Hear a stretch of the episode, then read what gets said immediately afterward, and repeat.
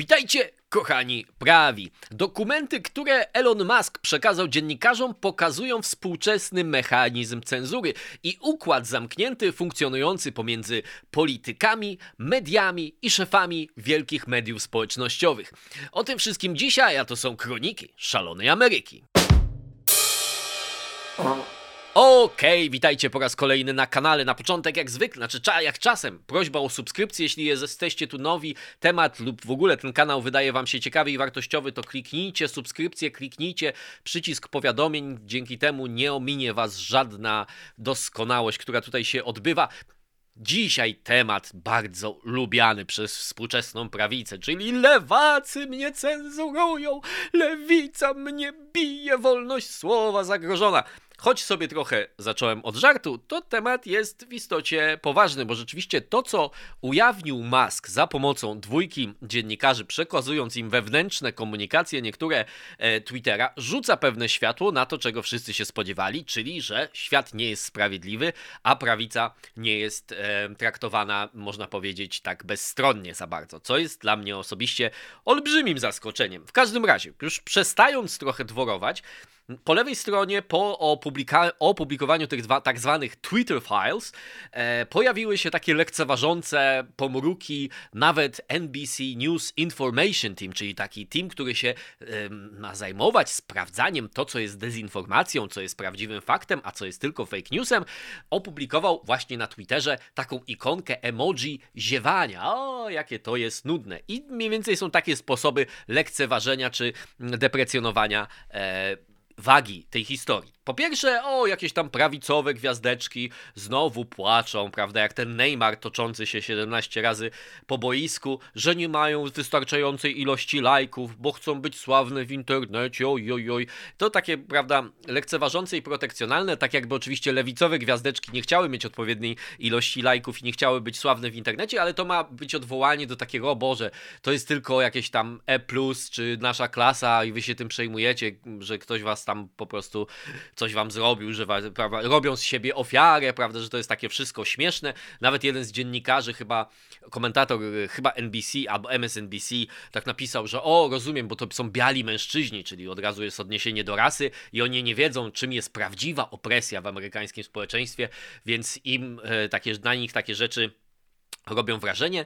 Drugi, druga metoda lekceważenia tego to jest tak, że właściwie nic wielkiego się nie stało. Pracownicy Twittera próbowali między sobą dyskutować tylko, jak właściwie, no, jak to się mówi, e, zarządzać tym całym przekazem, który się tam odbywa, bo to, że nim trzeba zarządzać i pewne rzeczy czasem można ograniczyć, to się wszyscy zgadzają, więc to takie właściwie jest nic strasznego. No i, i ten argument gdzieś tam w tle się pojawia, także, że to w sumie prywatna firma, jak wam się nie podoba, to sami załóżcie Twittera, bla bla bla bla, bla bla bla. I ja też troszeczkę mam taki, dlatego czasem sobie żartuję, bo mam trochę zdystansowany do tego stosunek, dlatego że wydaje mi się, że po pierwsze, no, mm, jest tutaj w, po mojej stronie pewna zazdrość, nie, nie wiem, czy to można zazdrość, czy zawiścią, bo wydaje mi się, że mówienie, że ci ludzie, którzy, o których za chwilę powiem na prawicy, którzy są rzekomo prześladowani, no też czasem zyskują na tym, że są prześladowani. To znaczy, pomiędzy algorytmami mediów społecznościowych, a tymi siewcami kontrowersji, nazywam tak ludzi, którzy celowo czasem, świadomie świadomi tego doskonale chyba, jak działa algorytm, jak działa dynamika mediów społecznościowych, jakie treści się rozprzestrzeniają, jakie stają się wiralne, używając młodzieżowego określenia. E, to czasem balansują na, takiego, na takiej krawędzi dobrego smaku, e, wpuszczają pewne rzeczy, widzą jaki dostają informację zwrotną i do tego trochę dostosowują swój przekaz i doskonale w tej wodzie jak ryby e, się czują, prawda? Że tu jest pewna symbioza, chociaż rzeczywiście ci ludzie często są banowani, zawieszane są im konta, prawda, i tak dalej. Tak, znacie te historie, jak jesteście na jakimkolwiek medium społecznościowym, na Twitterze, to jest połowa czasem mam wrażenie przekazu jest o tym, co się na tym Twitterze dzieje.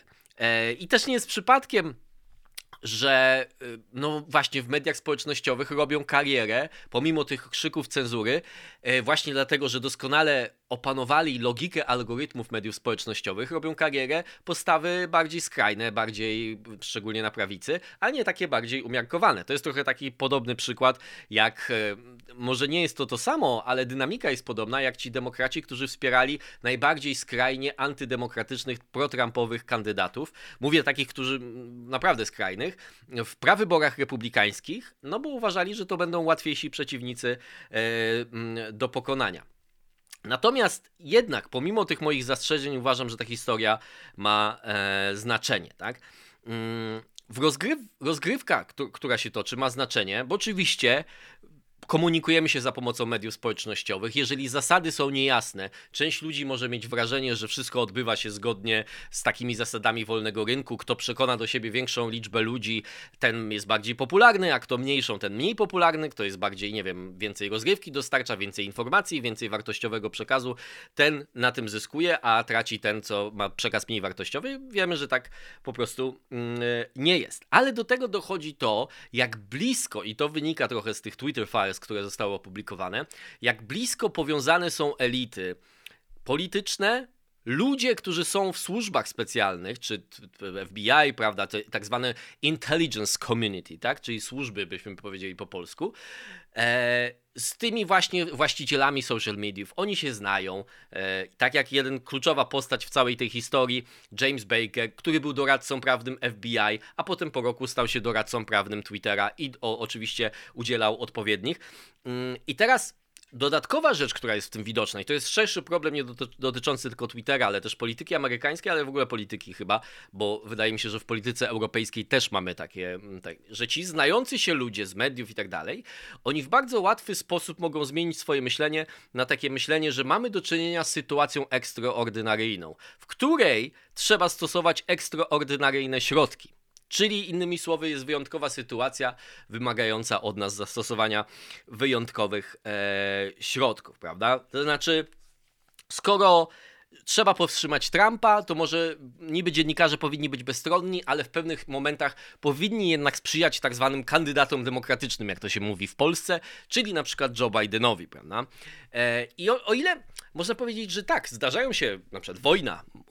Myślę, że w myśleniu o, o, polityce jest takim no, kardynalnym przykładem sytuacji, w której ktoś powie, no tak, czasem może wolność słowa w czasie wojny może być ograniczona, no bo jak ktoś na przykład zdradza ruchy wojsk e, i może doprowadzić do śmierci wielu żołnierzy ojczyzny swojej, e, którą zdradza, e, no to to jest sytuacja, w której zasadne byłoby ograniczenie wolności słowa. Natomiast problem polega na tym, jak łatwo ta logika jest zastosowana do sytuacji klasycznej walki politycznej, bo okazuje się e, raz po raz, że ta ochrona demokracji, ochrona podstawowych wartości jest łudząco podobna do sprzyjania jednej konkretnej partii politycznej i jednemu konkretnemu zestawowi e, poglądów. Tak?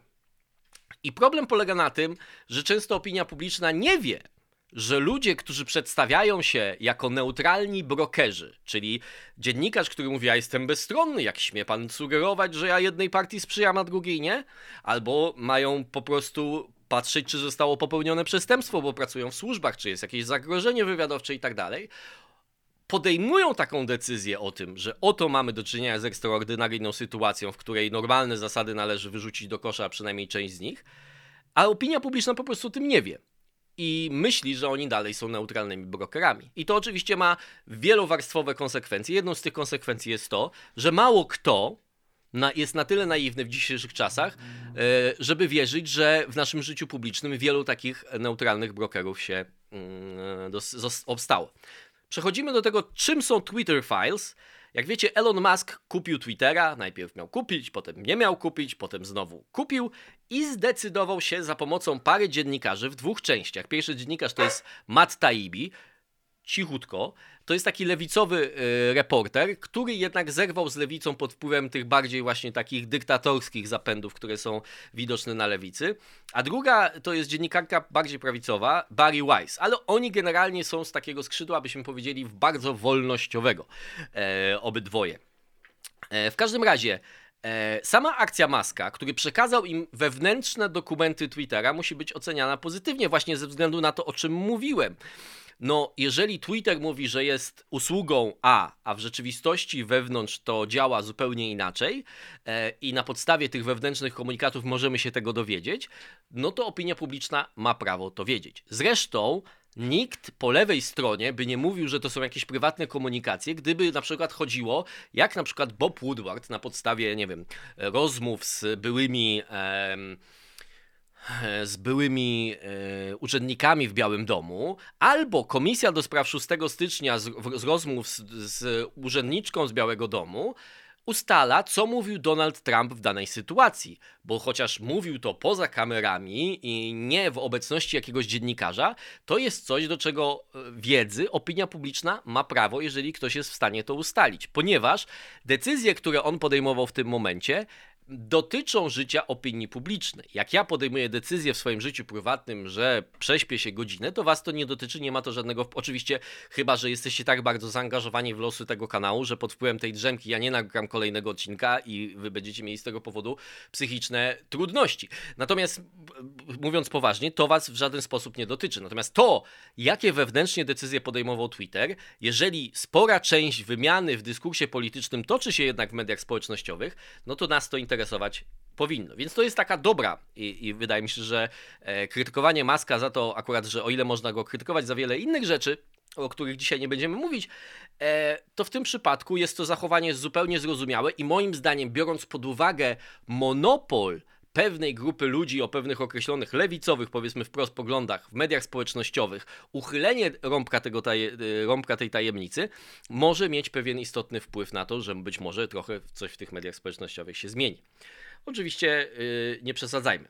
Yy, jedyny, co, co, jedyny zarzut moi, moim zdaniem do tej akcji jest taki, że być może szerszy powinien być te, ten, ten dump, czyli ten zrzut tych dokumentów, bo my dostaliśmy tak naprawdę dwa wątki na Twitterze przeprowadzone przez tych dwóch dziennikarzy z cytatami przez nich wybranymi, a inni dziennikarze nie mieli do tego dostępu i moim zdaniem to jest zarzut zasadny, bo w takiej sytuacji lepiej, żeby dziennikarz, który chce ocenić, co tam na, tak naprawdę zachodziło, miał dostęp do szerszego rezerwuaru jakichś materiałów yy, źródłowych. E, Matt Taibbi, to jest ta pierwsza część, ona przede wszystkim dotyczy sprawy laptopa Huntera Bidena.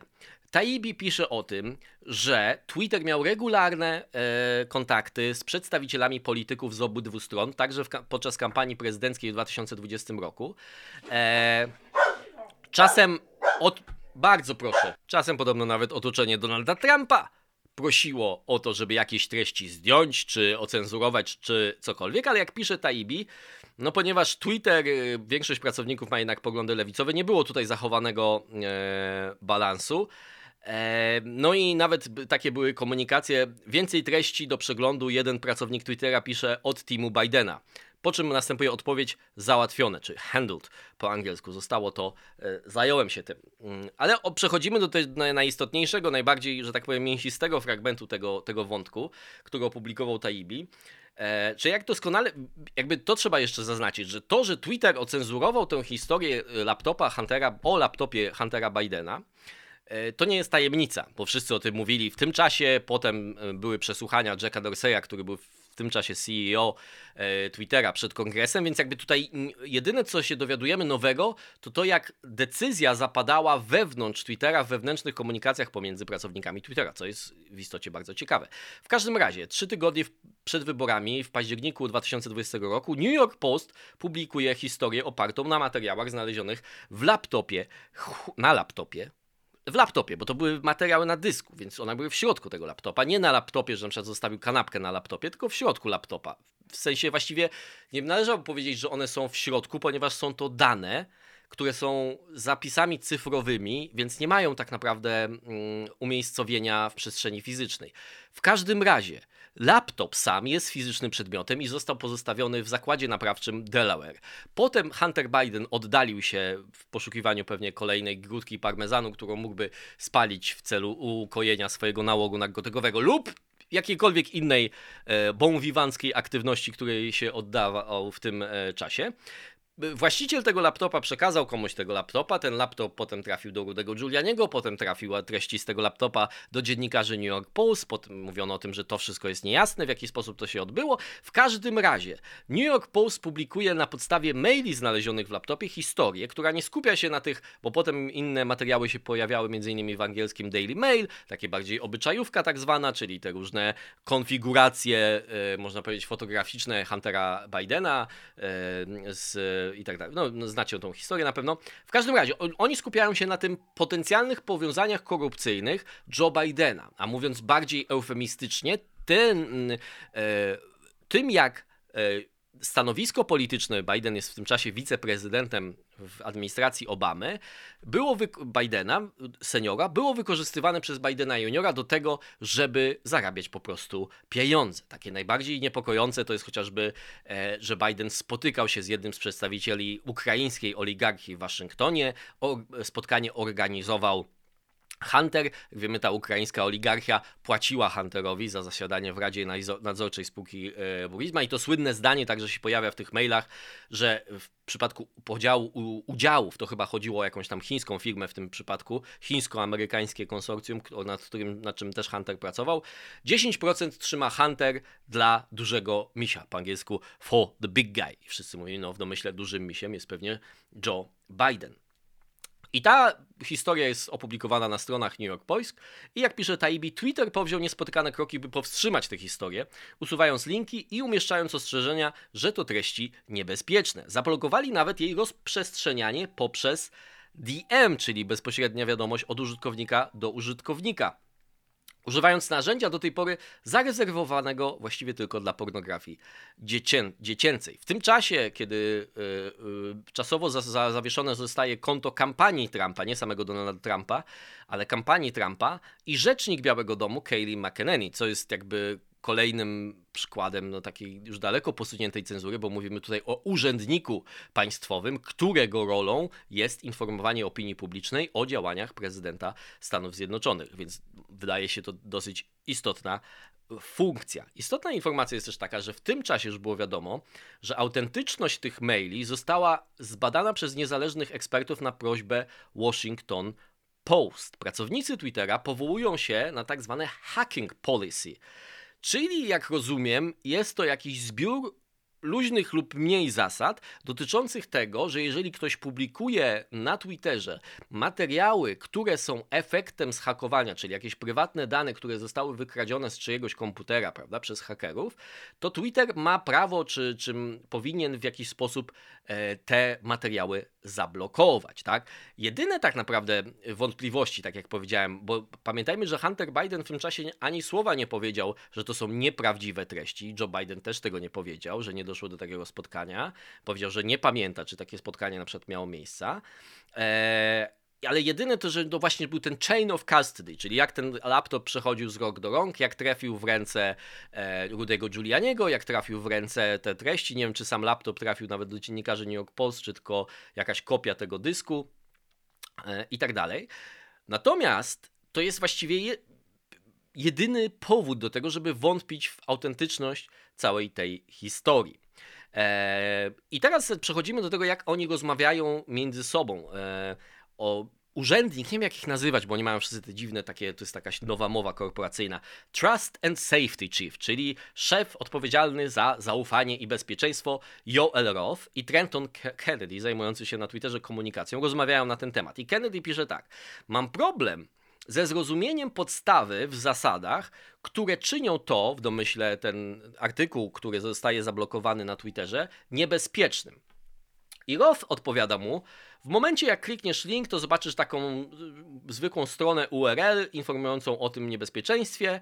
I teraz pisze tak, to nie jest idealne, ale to jest jedyne, co mamy. Co pokazuje, i inne te komunikacje, o których ja tutaj nie będę mówił, bo to by za długo trwało, pokazują, że generalnie oni trochę na siłę, albo to znaczy szukali paragrafu, który byłby e, zdolny do zablokowania tej historii, a zablokowanie tej historii oni wszyscy z góry uznawali za słuszne. James Baker, kluczowa absolutnie postać moim zdaniem, pokazująca właśnie te związki, o których mówiłem na początku filmiku, pracujący wcześniej dla FBI. Do 2018 roku był głównym doradcą prawnym, tak? General Counsel to się nazywa, FBI. E, od 2020 do 2022 roku był zas główny, zastępcą głównego doradcy prawnego Twittera. Został zwolniony przez Elona Muska. I James Baker w tych komunikacjach na temat zablokowania artykułu o Hunterze Bidenie pisze tak: Zgadzam się z konkluzją, że potrzebujemy więcej faktów, by stwierdzić, że materiały były zhakowane. Jednak na tym etapie rozsądnym z naszej strony będzie założenie, że mogły być i ostrożność jest zalecana. No, niektóre informacje wskazują na to, że materiały zostały zhakowane, a inne, że komputer został porzucony. Czyli innymi słowy, lepiej zablokować, ponieważ nie wiemy, czy to zostało zhakowane, a nie wiemy, ponieważ nie wiemy. E, pytanie, i do, do, do pytania, czy sam fakt, że coś zostało zhakowane, ale ma znaczenie, e, bo dotyczy jednego z głównych kandydatów do prezydentury, e, czy to samo powinno powodować zablokowanie, no ale to jest kwestia jakaś tam dyskusyjna. W każdym razie, Istotna informacja jest też taka, i Taibi też o tym pisze. W tym czasie Dorsey, który jest szefem Twittera, tak jak powiedziałem, to ten, ten z brodą, taki pan biały talib, e, szykował się do przesłuchania przed kongresem. Dlatego wielu pracowników, według Taibiego przynajmniej, robiło wiele z tych rzeczy dotyczących zablokowania tej historii. Przede wszystkim widać, że to będzie e, naruszenie, e, oni, naruszenie, z którego Jack będzie musiał się tłumaczyć w domyśle przed kongresem, tak? ale wiele z nich robili bez wiedzy e, pana Dorseya.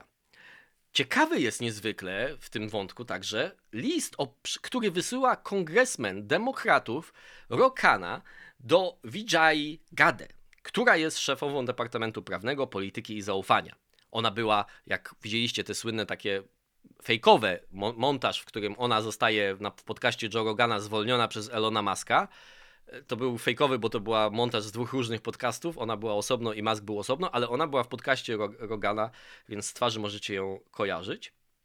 Ale pani Rokana pisze do niej i mówi, że ona się obawia tego kroku, bo to może naruszać pierwszą poprawkę. Używa takiego argumentu, że jeżeli New York Times opublikowałby zhakowane materiały, które jednak pokazywałyby, że na przykład rząd amerykański dopuścił się jakiejś zbrodni wojennej, ciekawe też w którą stronę idzie, ale to jest tylko przykład, no ale taki przykład jej przyszedł do głowy, to New York Times powinien mieć prawo do opublikowania takich materiałów. I Rokana zaznacza, mówię to jako zwolenniczka Bidena i ktoś, kto jest przekonany, że on nie zrobił nic złego. Ciekawy też dopisek, proszę zachować tę komunikację jako prywatną pomiędzy nami i Jackiem. Nie ma potrzeby dołączania zespołów, w domyśle, jak rozumiem, zespołu Twittera, co też pokazuje bliskie związki demokratycznych polityków, że oni takimi konkretnymi decyzjami w przypadku konkretnego artykułu, oczywiście bardzo istotnego, wymieniali się swoimi uwagami z głównymi e, dowodzącymi e, Twittera. W tym czasie Facebook ograniczył też dystrybucję artykułu i sam Zuckerberg, także w podcaście Rogana, mówił, że FBI oznaczyła tę historię jako możliwą rosyjską dezinformację. I tu kluczowa, bo jedna z najbardziej takich haniebnych wątków w całej tej historii to jest list 50 byłych pracowników służb amerykańskich, w tym m.in. Jim Clapper się podpisał, także John Brennan, czyli ludzie, którzy naprawdę wysokie stanowiska zajmowali i on stał się, ten list sam w sobie, chociaż tak jak powiedziałem, jego treść jest haniebna i, i, i tak naprawdę bezprecedensowa w swoim braku treści, ale to był podstawa i taka wymówka w powoływaniu się przez media mainstreamowe i także niektóre media społecznościowe w blokowaniu tej historii i nie zajmowaniu się nią na krótko przed wyborami. I oni mówią, że wszystkie klasyczne cechy rosyjskiej operacji informacyjnej e, ma w sobie ta historia o laptopie Huntera Bidena. Ale jak się wczytamy w list, to tam kluczowe zdanie brzmi tak. To jest list, który został opublikowany wówczas, w październiku 2020 roku, żeby była jasność. Chcemy zaznaczyć, że nie wiemy, czy e-maile są prawdziwe i nie mamy dowodów na udział Rosjan, ale jedynie, że nasze doświadczenie sprawia, że podejrzewamy, że rząd rosyjski odegrał poważną rolę w tej sprawie. I logika, którą oni się posługują, jest taka, że ponieważ Trump przegrywa, to jest prosto tam napisane, że ponieważ Trump przegrywa w sondażach, w interesie Rosjan byłoby mu pomóc. Czyli innymi słowy, wszystko, co właściwie pomogłoby potencjalnie Trumpowi, należałoby potraktować jako coś, co posiada wszystkie cechy rosyjskiej operacji informacyjnej. Czyli innymi słowy, mieli przeczucie. No a to są zawodowcy. I to kolejny raz mamy, w jakiś sposób ci ludzie w imię polityki wyświechtują swój autorytet, który pomimo wszystko powinien być budowany na faktach, prawda? Czy na posługiwaniu się faktami. Jeśli mamy rację, i to jest kluczowe zdanie znowu z tego listu, Rosjanie ponownie próbują wpłynąć na nasz proces wyborczy i Amerykanie powinni być tego świadomi. Czyli podobna logika jak w tym, co pisał pan Baker. Zalecana jest tutaj ostrożność, no bo to może pomóc Trumpowi, a wiadomo, kto chce pomóc Trumpowi Rosjanie.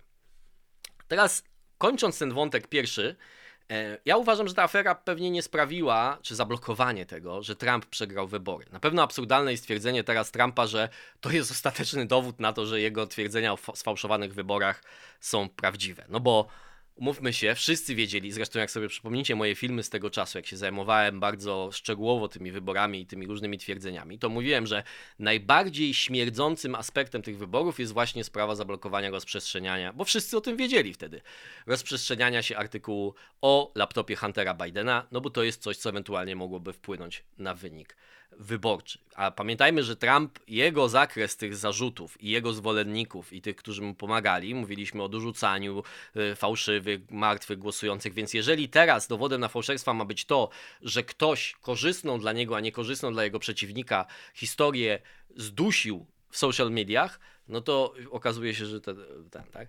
Poza tym no, fakt jest taki, że rzeczywiście pani Rokana, która stwierdza, że to może tak naprawdę zaszkodzić bardziej niż pomóc, miała trochę racji, bo mi się wydaje, że efekt netto ostateczny był taki. To znaczy, że ta historia i tak się rozprzestrzeniła. Eee, być może nawet dzięki temu, że miała taki status historii wyklętej, prawda, zbanowanej. Oczywiście można powiedzieć tak, gdyby mainstreamowe media były sprawiedliwe, i zrobiły z tego aferę taką, jakby zrobiły to e, ją, gdyby w miejscu Bidena był Trump, to być może, mimo tego, że przegrał siedmioma milionami głosów ostatecznie Trump, to być może ostatecznie wygrał, znaczy w głosowaniu e, ogólnonarodowym, które nie ma znaczenia, jak wiemy, to może w kluczowych stanach, gdzie przewaga była rzeczywiście minimalna Bidena, w Georgii, w Arizonie czy tam w Pensylwanii, wygrałby trochę więcej tych głosów, albo mówiąc inaczej, Biden by stracił trochę zwolenników, którzy by stwierdzili, że on jest jakimś skorumpowanym, podejrzanym politykiem.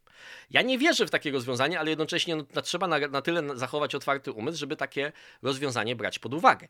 Natomiast no, trzeba pamiętać też o tym, że o ile takie zachowanie mediów jest obmierzłe, e, i niegodne, i, i obrzydliwe, i pokazuje bardzo istotne rzeczy, to no, Zawsze republikanie będą walczyli z nieprzyjaznym i konserwatyści w każdym kraju, we współczesnych demokracjach, będą walczyli z nieprzyjaznym środowiskiem moral, e, medialnym. Ostatecznie, jeśli ktoś uważa, że Trump ma rację, mówiąc, że to sprawia, że te wybory były. Mm, nie można uznać wyniku tych wyborów, bo Twitter zablokował historię o laptopie Huntera. No to równie dobrze można powiedzieć, że to tak samo musicie uznać na zasadach logiki, że Rafał Trzaskowski i Donald Tusk mają rację, że w wyniku manipulacji TVP Info, że one powiedzieli, że Rafał Trzaskowski jednak nie jest tak wysoki, jak wszyscy wiedzą, że jest wysoki. E, to dlatego wybory były nierówne i tak naprawdę w istocie e, sfałszowane. Ale to jest nie. To, czy to wpłynęło na wybory, czy nie, to jest tylko dygresja. Żebyśmy się też za bardzo tutaj nie rozdrabniali na różne wątki, bo wiem, że to pewnie wywoła dyskusję. Oczywiście, jeśli macie komentarz jakiś do tego, co powiedziałem przed chwilą, to zapraszam wszystkich do komentarzy. Ale szybko teraz do tego drugiego wątku, bo ten drugi wątek jest jeszcze bardziej, taki bym powiedział, dla wrażliwości prawicowej istotny, bo dotyczy czegoś, co się nazywa shadow banningiem. Shadow banning to jest myślę, potocznie, ma jakąś taką swoją definicję. Tak, gdyby patrzeć definicyjnie, to chyba to tak naprawdę oznacza sytuację, w której ktoś wysyła tweety, ale nikt ich nie widzi i ta osoba o tym nie wie. Natomiast potocznie nazywa się wszystkie te operacje, które oznaczają ograniczenie czyichś zasięgów w social mediach bez odebrania prawa do publikowania tej osobie. Tak można by było w skrócie powiedzieć. E, I pani Barry Weiss, kilka przykładów bardzo ciekawych pokazuje. Dr J. Bacharaya to jest lekarz, czy doktor medycyny, nauk medycznych ze Stanfordu, który uważał, że lockdowny mogą być szkodliwe dla dzieci, co jest z dzisiejszej perspektywy myślę takim coraz bardziej mainstreamowym wydaje się e, przekonaniem. Został umieszczony na tak zwanym Trends Blacklist i ona wrzuca screeny z wewnętrznych jakby aplik... nie wiem jak to się nazwać, no tak jak system, który widzą ci, którzy w środku tego systemu obsługują, a nie widzą użytkownicy, prawda? Że jest tam takie Search Blacklist, taka ikonka, co oznacza y, to dokładnie co, y, co sugeruje, czyli że jego tweety, yy, przepraszam, Trends Blacklist w jego przypadku to było, czyli że jego tweety nie mogą znaleźć się w trendach. Dan Bongino to jest też taki prawicowy, ktoś powiedział skrajnie prawicowy yy, gospodarz talk show, współpracuje między innymi z Fox News. Search Blacklist, czyli że trudniej było go znaleźć na Twitterze, prawda? Charlie Kirk, inny dziennikarz Fox News, do not amplify, czyli nie dawać mu większego zasięgu niż to e, minimalnie potrzebne. E, Vijaya Gade w 2018 roku i inni pracownicy Twittera wielokrotnie mówili, nie dokonujemy czegoś takiego jak shadow banning, a na pewno podkreślała, nie robimy tego w oparciu o poglądy polityczne lub wyznawaną ideologię. E, natomiast jak się patrzy właśnie na to, co jest we wewnętrznych komunikacjach Twittera, to ewidentne jest to, że dokładnie to było używane. Stosowane coś było, co nazywało się Visibility Filter, czyli filtr widzialności, widoczności. Prawda? Narzędzie po prostu do, do ograniczania rozprzestrzeniania danych e, treści. Na przykład e, jest taki, takie konto Lips of TikTok, które prowadziła pani Chaja Rajczyk. To jest takie konto prześmiewcze, które głównie publikuje właśnie, jak sama nazwa wskazuje, różnych lewicową młodzież z TikToka, która zwykle dostaje szału i tam ma, e, ma tak zwane nerwancji, dostaje, można powiedzieć. Zalewa ją krew ze względu na to, w jak opresyjnym systemie żyje. W samym 2022 roku to konto zostało zawieszone sześć razy za sianie nienawiści, chociaż w październiku 2022 roku komórka odpowiedzialna właśnie za to e, zarządzanie tym visibility filter e, stwierdza, Lips nie naruszyło, czy to konto, e, bezpośrednio zasad dotyczących rozprzestrzeniania nienawiści. Też ciekawe jest to, że fakt, że to konto satyryczne znalazło się na celowniku, to pokazuje moim zdaniem też w jaki sposób na to, jak działa ostatecznie ta aplikacja, jak działa ta przestrzeń, z której wielu ludzi korzysta, ma na to wpływ osobista, ideologiczna, ale też taka psychologiczna wrażliwość tych e, pracowników Twittera. To znaczy, że oni są w większości liberalno-lewicowi, w większości są młodzi i do, nie do pomyślenia jest dla nich pewnie to, że ktoś sobie po prostu z nich w ten sposób robi e, żarty. E, ciekawe też było, o tym pisze Wise w tym swoim wątku, gdy ktoś opublikował domowy adres Rajczyk, czyli tej pani, która prowadzi to konto Lips TikTok i ta poprosiła o interwencję, Twitter zignorował jej prośbę, stwierdzając, że to nie narusza zasad Twittera. No i tam wiele innych rzeczy, e, które dotyczą jakby takich zupełnie arbitralności, na przykład, że Lips został oskarżony, ten, ten konto zostało oskarżone o sianie nienawiści wobec kliniki zmiany płci. A jeżeli dobrze rozumiem, bo akurat pamiętam te, te tweety z tamtego czasu, to konto jedyne co zrobiło, to pokazało reklamówkę, którą sama ta klinika zmiany płci opublikowała w internecie, czyli innymi słowy rozpowszechnianie tego, co oni chcieli rozpowszechnić, no bo sami to opublikowali, było nawoływaniem do nienawiści. Ciekawe są też te dyskusje wewnętrzne. E, ROF, który, o którym już mówiliśmy, właśnie jeden z tych urzędników, policmajstrów Twittera, nazwijmy to tak, e, Non-Removal Policy Intervention. On mówi, że o tym powinniśmy zacząć dyskutować. Co jest bardzo ciekawe, czyli wszystkie te interwencje, które nie sprowadzają się do usunięcia kogoś z platformy. Ciekawe też jest to, że te interwencje mogą być o wiele bardziej skuteczne, bo wtedy taka osoba może być, nie tylko nie ma powodu, żeby, y, jak to się mówi, wave the bloody shirt, nie, nie powiewać krwawą tuniką, i, i robić z siebie ofiary, ale można jeszcze z niej zrobić wariata, bo on mówi, że ograniczono mu zasięgi, a wszyscy się mówią, jak to ci, prawda? To zresztą e, słowo gaslighting, które mu oznacza właśnie takie wyciszanie jakiegoś problemu, udawanie, że tego problemu nie ma, wzięło się z pewnej sztuki i jest dosłowną, jakby to jest metafora, ale jednocześnie dotycząca dosłownego e, tego, że w, w, w mieszkaniu jednej kobiety nie wyłącza się światła, tylko je troszeczkę, troszeczkę przykręca, tak? I jak ona mówi w pewnym momencie, że tu jest ciemno, no to jak to, że cały czas światło się pali, wszystko co ci chodzi, ty jesteś, zwariowałaś chyba, no. Więc rzeczywiście zgadzam się, gdybym tworzył skuteczną metodę niwelowania wpływu określonych osób, to bym ich właśnie nie banował, a stosował wobec nich, jak mówi pan Roll, wyłączanie interakcji, deamplifikacja i właśnie visibility filtering, tak? Jeśli błędna informacja, czy tak zwana misinformation, prowadzi do bezpośredniej szkody, powinniśmy używać środków takich jak ograniczanie zasięgu i rozpowszechniania wiralności danej treści. E, I to jest ten drugi wątek. Na koniec takich kilka wniosków. To znaczy, to w jaki sposób funkcjonują ci ludzie, którzy tym zarządzają, nie chciałbym powiedzieć, że oni są wszechmocni, bo uważam, że mimo wszystko media społecznościowe nie są wszechmocne. Mimo wszystko my się jesteśmy w stanie komunikować. Ludzie mają swój rozum. Jeżeli zakładamy, że nic nie ma poza algorytmem, to rzeczywiście jesteśmy już kompletnie e, zgubieni. Ale rzeczywiście te algorytmy, wydaje mi się, są rzeczami potężnymi. Nie wiem, czy oni sami je kontrolują. To też jest ciekawe. Wydaje mi się, że o to, mówiłem o tym na początku. Wydaje mi się, że chociaż ręcznie mogą um, interweniować w pewne niektóre specjalne przypadki, to te algorytmy są w pewnym sensie inteligentniejsze od ich twórców, w tym sensie, że kiedy wyczuwają, że coś ma potencjał do bycia wiralnym, nawet jeżeli twórcy tego algorytmu by określili to jako ideologicznie obmierzłe, to te treści przynajmniej przez pewien czas mogą się bardzo dobrze rozprzestrzeniać i, i przykładów na to jest mnóstwo. Natomiast ja, dla mnie osobiście, jak patrzę sobie na tą historię, to jest kolejny powód na to, żeby mieć głęboką, daleko posuniętą nieufność wobec tych wszystkich prób, które od social mediów, bo Facebook ma swoje takie, taką politykę specjalną,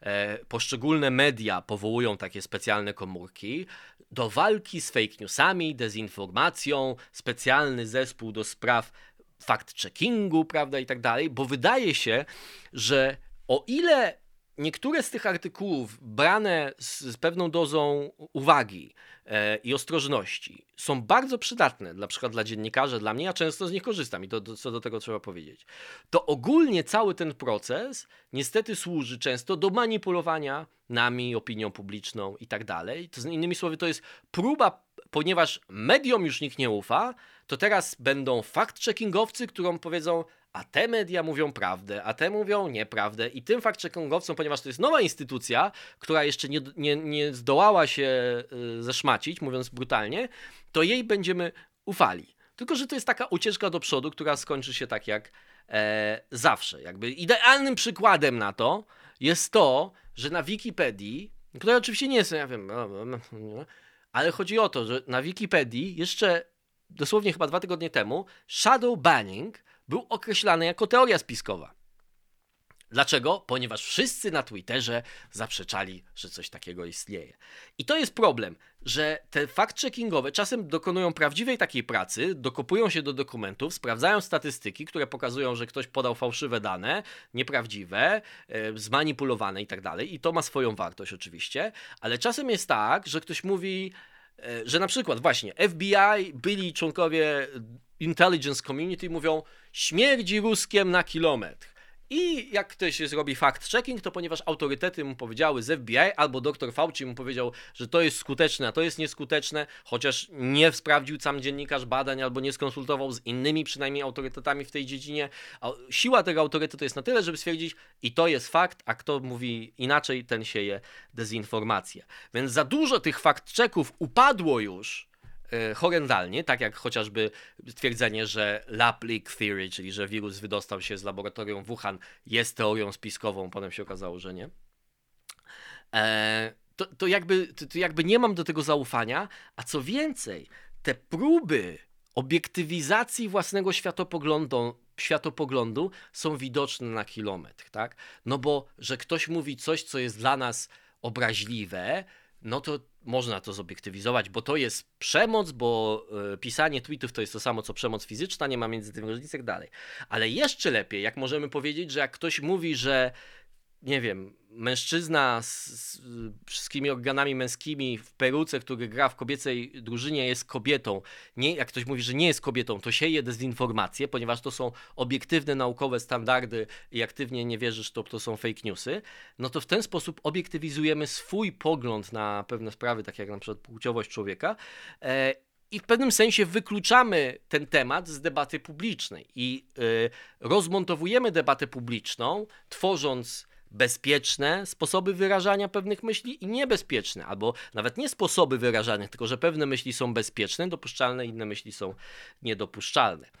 E, I tak jak uważam, że na przykład Dan Bongino czy Charlie Kirk to nie są ludzie, którym ja poświęcam zbyt wiele uwagi i zwykle właśnie zajmują się takim, są takimi siewcami kontrowersji, że piszą coś, co ma sprowokować lewicę, lewica się rzuca na nich, wtedy na lewicę rzuca się prawica i jakby kółko się kręci, bo znacie takie same e, osoby z polskiej przestrzeni medialnej, które tak funkcjonują od lat, żeby wywołać wkurzenie na siebie, potem się bronić, potem pisać artykuły o tym, jak ci, co atakowali, to atakowali nieracjonalnie, a on bla bla bla.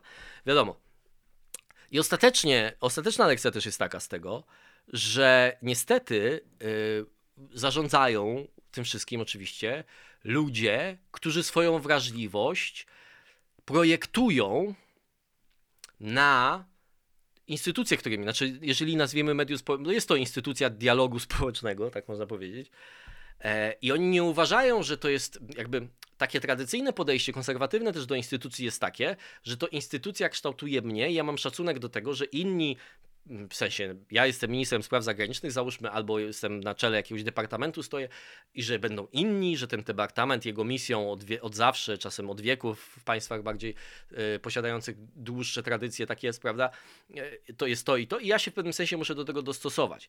E, ale oni nie traktują tego, że to jest jakieś wspólne dobro, e, ta debata publiczna, bo już nawet nie mówię debata publiczna w ramach tej, tej, tej, tej platformy jednej, ale oni w pewnym sensie mają taki syndrom, że to jest nasze dziecko, które my chronimy przed ci, tymi barbarzyńcami. Jedyne, co jest do ustalenia, to jakiego kruczku, jakiego wybiegu spośród tych zasad użyjemy, żeby tego czy innego barbarzyńcę e, zneutralizować. Ale to, że to jest nasze, i my tego oddać, to, to, e, to, to, widać w tym kwiku, który powstał po tym, jak Musk kupił Twittera. Oczywiście on jest prowokacyjny, Musk, on to robi pewnie e, jako, bawi się, prawda, w politykę bardziej niż poważnie myśli o tym, żeby coś tam trwałego zbudować. Zresztą nie wiem, jak to się skończy, e, to kiedyś pewnie przyjdzie nam ocenić. Natomiast chodzi o to, że to mówienie, że ktoś im zabrał, sam fakt, że ktoś inny jest właścicielem tej platformy, skoro zawsze była mowa, że to jest prywatna platforma, jak się nie podoba, to odejdźcie, że ktoś im zabiera, mówimy też o użytkownikach teraz Twittera, no to właśnie to pokazuje, że to ma być odzwierciedlenie ich wrażliwości, a ponieważ oni są często nadwrażliwi, to tym bardziej będą nadużywali swojej władzy, tak? ponieważ będą coraz bardziej przesuwała będzie się ta granica tego, co dla nich jest niedopuszczalne, tego, co, co, czego nie można robić, tego, co sprawia im wręcz fizyczny ból. Dlatego oni muszą się przed tym chronić, muszą chronić podobnych sobie użytkowników tych portali i tak dalej, i tak dalej. Ciekawa historia, będzie się jeszcze rozwijało, będą kolejne dokumenty pewnie ujawniane. Nie wiem, czy tak e, pikantne, ale zobaczymy, jak to będzie wyglądało. Jeszcze raz proszę o subskrypcję tego kanału, polubienie tego filmu, jeżeli Wam się podobał. Zostawcie komentarz, pozdrówcie suki, do zobaczenia.